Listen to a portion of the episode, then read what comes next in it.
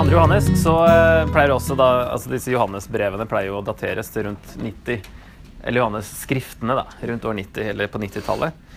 Um, her står det jo ikke Johannes uh, eller noe sånt, som typisk Johannes. Han sier jo aldri uh, hvem han er. Uh, I Johannes evangeliet så er det jo den disippelen som Jesus elsket, som vi tenker er Johannes. Her er det da den eldste, og i tredje Johannes brev også, den eldste. Um, så det kan være en tittel han da velger um, uh, ut fra Han skriver jo til en menighet, sier han. Eller han sier jo ikke det. Den utvalgte frue og hennes barn.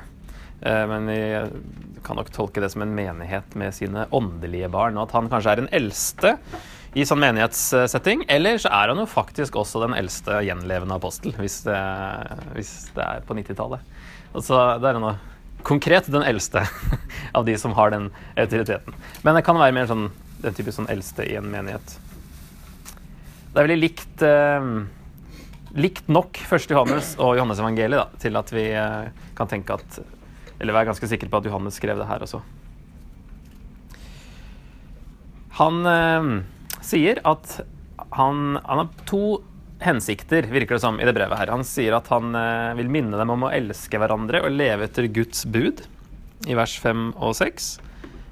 Han sier det er ikke et nytt bud. Det er det vi har hatt fra begynnelsen, at vi skal elske hverandre.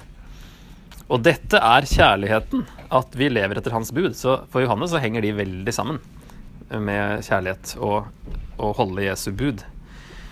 Eh, Dette budet har, har dere hørt fra begynnelsen, og det skal dere følge. Og så er det noen falske lærere, og det er typisk å si. Det kan være Sannsynligvis da, så er det samme situasjon som i første Johannes. Eh, fordi her er det fortsatt eh, slike som ikke bekjenner at Jesus Kristus er kommet i kjøtt og blod. Altså de fornekter inkarnasjonen, sånn som de også gjorde i første Johannes. Og han kaller dem for antikrist her også. Dette er jo de to stedene i hele Bibelen, første Johannes og andre Johannes, der ordet antikrist brukes. Så det har vi liksom klart å lage til en veldig stor ting, når det nevnes veldig sjelden i Bibelen. Så det er den andre hensikten, er eh, å be om at de ikke skal ta imot disse falske lærerne, sier han eh, i vers 10 og 11. Om noen kommer til dere og ikke har denne læren, som han da har sagt eh, lenger opp, Kristi lære, så ta ikke imot ham i deres hjem, og ønsk ham ikke velkommen. For den som ønsker ham velkommen, blir medskyldig i det onde han gjør.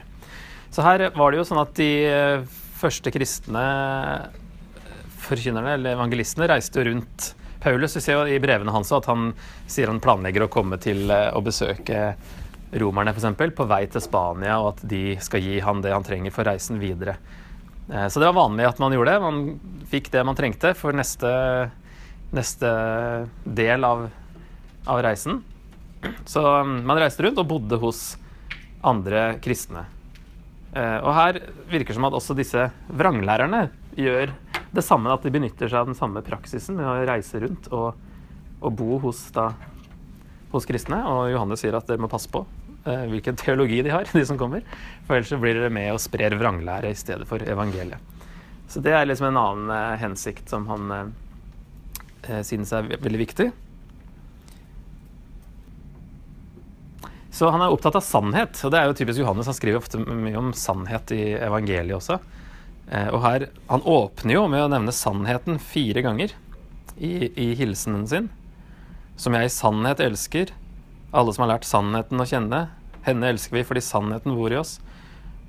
Og nåde, barmhjertighet og fred fra Gud og Far og fra Jesus Kristus, Hans Sønn, være med oss i sannhet og kjærlighet. Veldig mye sannhet i, i starten. Um, alle som har lært sannheten å kjenne, elsker andre kristne, sier han. Fordi sannheten bor i oss, er med oss til evig tid. Uh, det er jo godt mulig å tenke på sannheten med stor S. da. Det er jo godt mulig å erstatte sannheten her med Jesus. Jesus bor i oss, og det er jo eh, alle som kjenner Jesus, vil jo elske andre kristne. Så sannheten er så viktig her at eh, de må være da teologisk oppmerksomme og ikke ta imot noen som arbeider imot Guds sannhet, altså imot Jesus.